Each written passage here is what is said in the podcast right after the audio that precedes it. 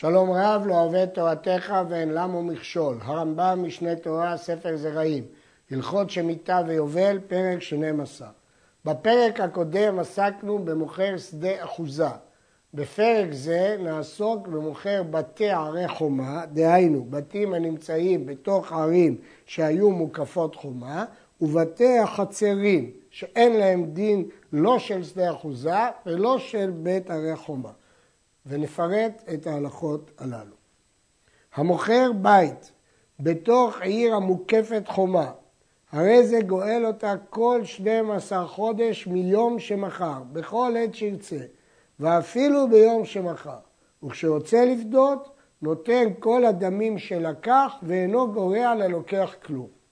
בשדה תבואות, שדה אחוזה, למדנו ששתי שנים הוא לא יכול לפדות, ואחר כך הוא יכול לפדות ולגרע. בבית הרי חומה הדין הוא הפוך, ששנה שלמה יש לו הזדמנות לפדות, מהיום הראשון, שנה ראשונה. אבל בתום שנה שהוא לא פדה, היא נהיית ללוקח לצמיתות, ואז הוא לא יכול לפדות. ועוד הבדל, שבשדה אחוזה כשהוא פודה הוא מגרע את מה שאכל הלוקח, ואילו בבתי הרי חומה הוא לא מגרע את החודשים שישב בהם הלוקח. אומרת על זה המשנה, הרי זה כמין ריבית ואינו ריבית. כי בעצם הלוקח הלווה למוכר כסף והוא מקבל את כספו ועוד הוא ישב בבית כמה חודשים. זה כמין ריבית, אבל זה לא ריבית.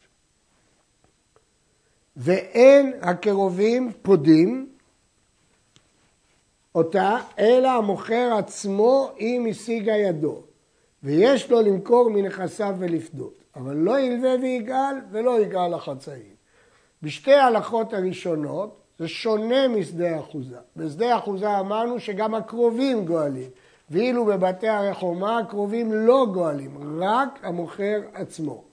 שנית, בשדה אחוזה למדנו שאסור לו למכור שדה אחת כדי לקנות שדה שנייה.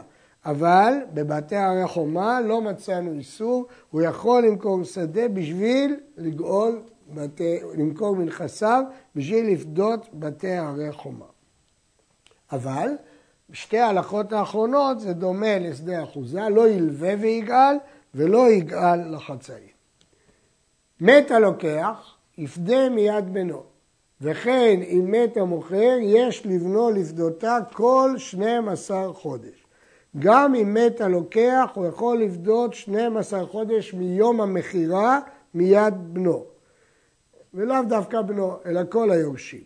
וכן להפך, אם הוא מת, בנו יכול לפדותה גם כן. הבן יכול, הוא יורש, הוא יכול לפדותה כל י"ב חודש.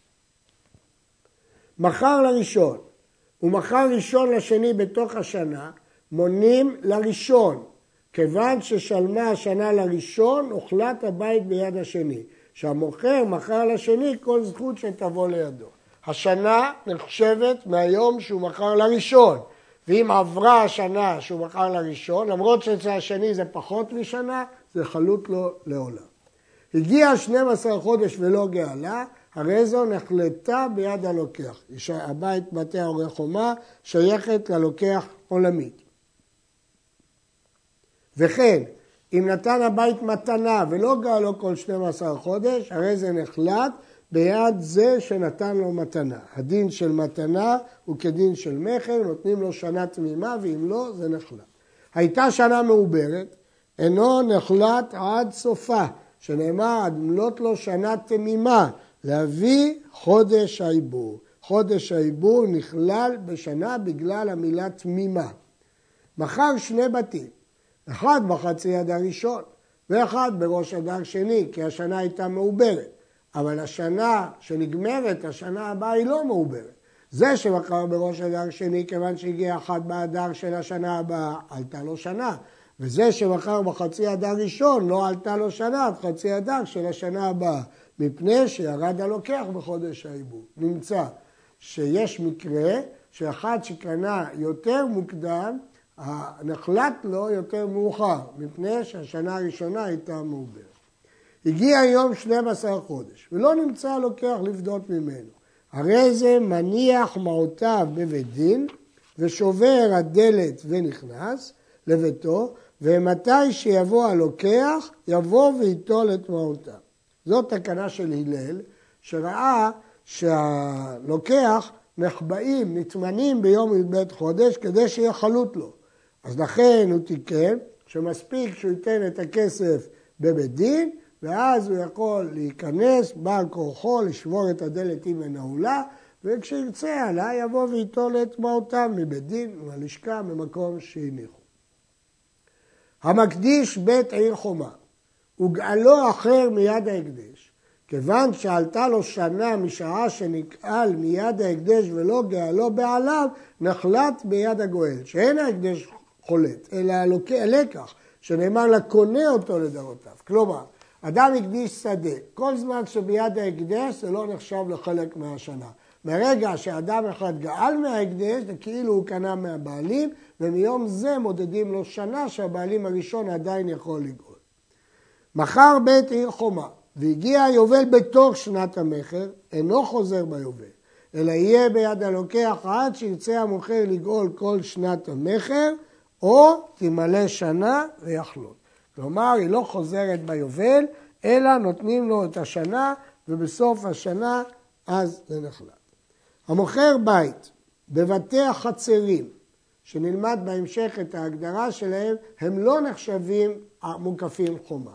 או בעיר שאינה מוקפת חומה כראוי, היא מוקפת חומה, אבל לא לפי הדינים שנלמד לקמן, הרי זה נגאל בכוח יפה שבדין השדות ושבדין הבתים המוקפים חומה. נותנים לו את הדין היפה שבשדות, את הדין היפה שבבתים. כיצד? אם רצה לגאול מיד, גואל, כדין הבתים, כי זה בית. הגיע 12 חודש ולא גאל, הרי זה גואל עד שנת היובל, כדין השדות.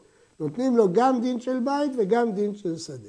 ובעת שגואל, מחשב עם המוכר וגורע לו מה שאכל.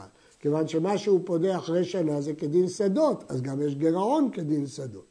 הגיע היובל ולא גאל, חוזר הבית בלא דמים כדין השדות, כי זה לא בית של עיר מוקפת חומה, אלא בתי החצרים.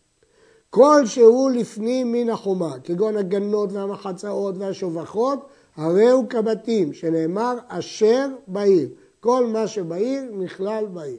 אבל השדות שבתוך העיר נגלים כדין השדות שחוץ לעיר, שנאמר בכמה בית אשר בעיר. הבית וכל הדומה לבית כגינה, מרחד, שובח, ולא השדות.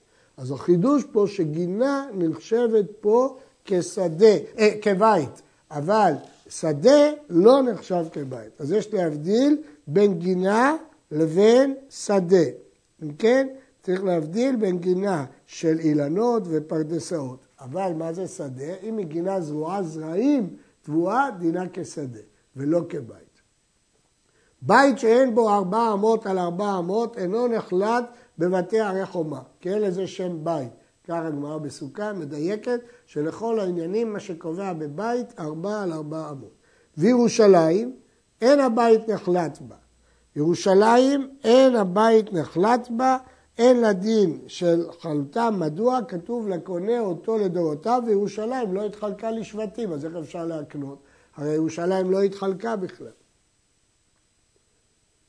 ובית הבנוי בחומה אינו כבתי הרחומה. זאת מחלוקת תנאים, האם בית בנוי בחומה רואים את הכותל החיצון כאילו החומה שלו, או שהוא אינו כבתי הרחומה, הרמב"ם פוסק שהוא לא כבתי הרחומה.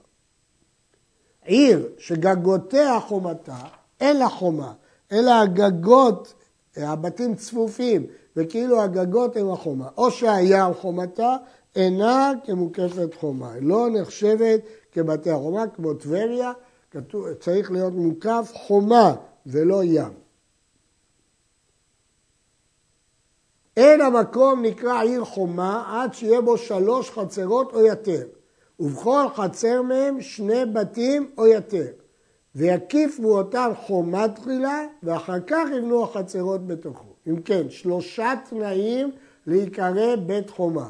אחד, שלוש חצרות, שתיים, בכל חצר לפחות שני בתים, שלוש, שהקיפו אותם חומה לפני שבנו את החצרות. אז הבית נחשב בתי הרי חומה. אבל מקום שישב ואחר כך הוקף, או שלא היו בו שלוש חצרות של שני שני בתים, אינו עיר חומה, אלא בתים שבו כבתי החצרים, אין לזה דין של בתי הרי חומה. אין סומכים, אלא על חומה מוקפת בשעת כיבוש הארץ. כיצד? עיר שלא הייתה מוקפת חומה בשעה שכבש יהושע את הארץ, אף על פי שהיא מוקפת עתה, הרי כבתי החצרים. ועיר שהייתה מוקפת חומה מימי יהושע, אף על פי שאינה מוקפת עתה, הרי כמוקפת. וכיוון שגלו בחורבן ראשון, בטלה קדושת ערי החומה שהיו בימי יהושע, כשיטת הרמב"ם, שקדושה ראשונה קידשה לשעתה ולא קידשה לעתיד לבוא. כיוון שעלה עזרא בביאה שנייה, נתקדשו כל הערים המוקפות חומה באותה עת, מפני שביאתם בימי עזרא שהיא ביאה שנייה, כביאתם בימי יהושע. הכתוב, התנ"ך אומר שביאת עזרא נתנו לדין של ביאת יהושע. מה ביאתם בימי יהושע אמנו שמיתין ויובלות וקידשו בתי החומה ונתחייבו במעשר, אף ביאתם בימי עזרא מנו שמיתין ויובלות וקידשו בתי הרי חומה ונתחייבו במעשר. אבל כיוון שרוב יושביה לא אכלו עליה, אז חלק מהדינים הם רק בדרבנן, כמו שנלמד, אה, שמיטה, תרומות ומעשרות, כמו שלמדנו לעיל. וכן לעתיד לבוא, בביאה שלישית בעת שייכנסו לארץ, יתחילו למנות שמיטין ויובלות ויקדשו בתי הרי חומה. שייכנסו לארץ וישב כל שבט בנחלתו, שוב ימנו שמיטים ויובלות וצריכים לקדש בתי הרי חומה ויתחייב כל מקום שכבשו במעשרות שנאמר בידיעך השם אלוהיך אל הארץ אשר ירשו אבותיך וירשתה מקיש ירושתך לירושת אבותיך. מה ירושת אבותיך? אתה נוהג בחידוש כל הדברים הללו, אף ירושתך אתה נוהג בה בחידוש כל הדברים האלו. במהרה בימינו, אמן. עד כאן.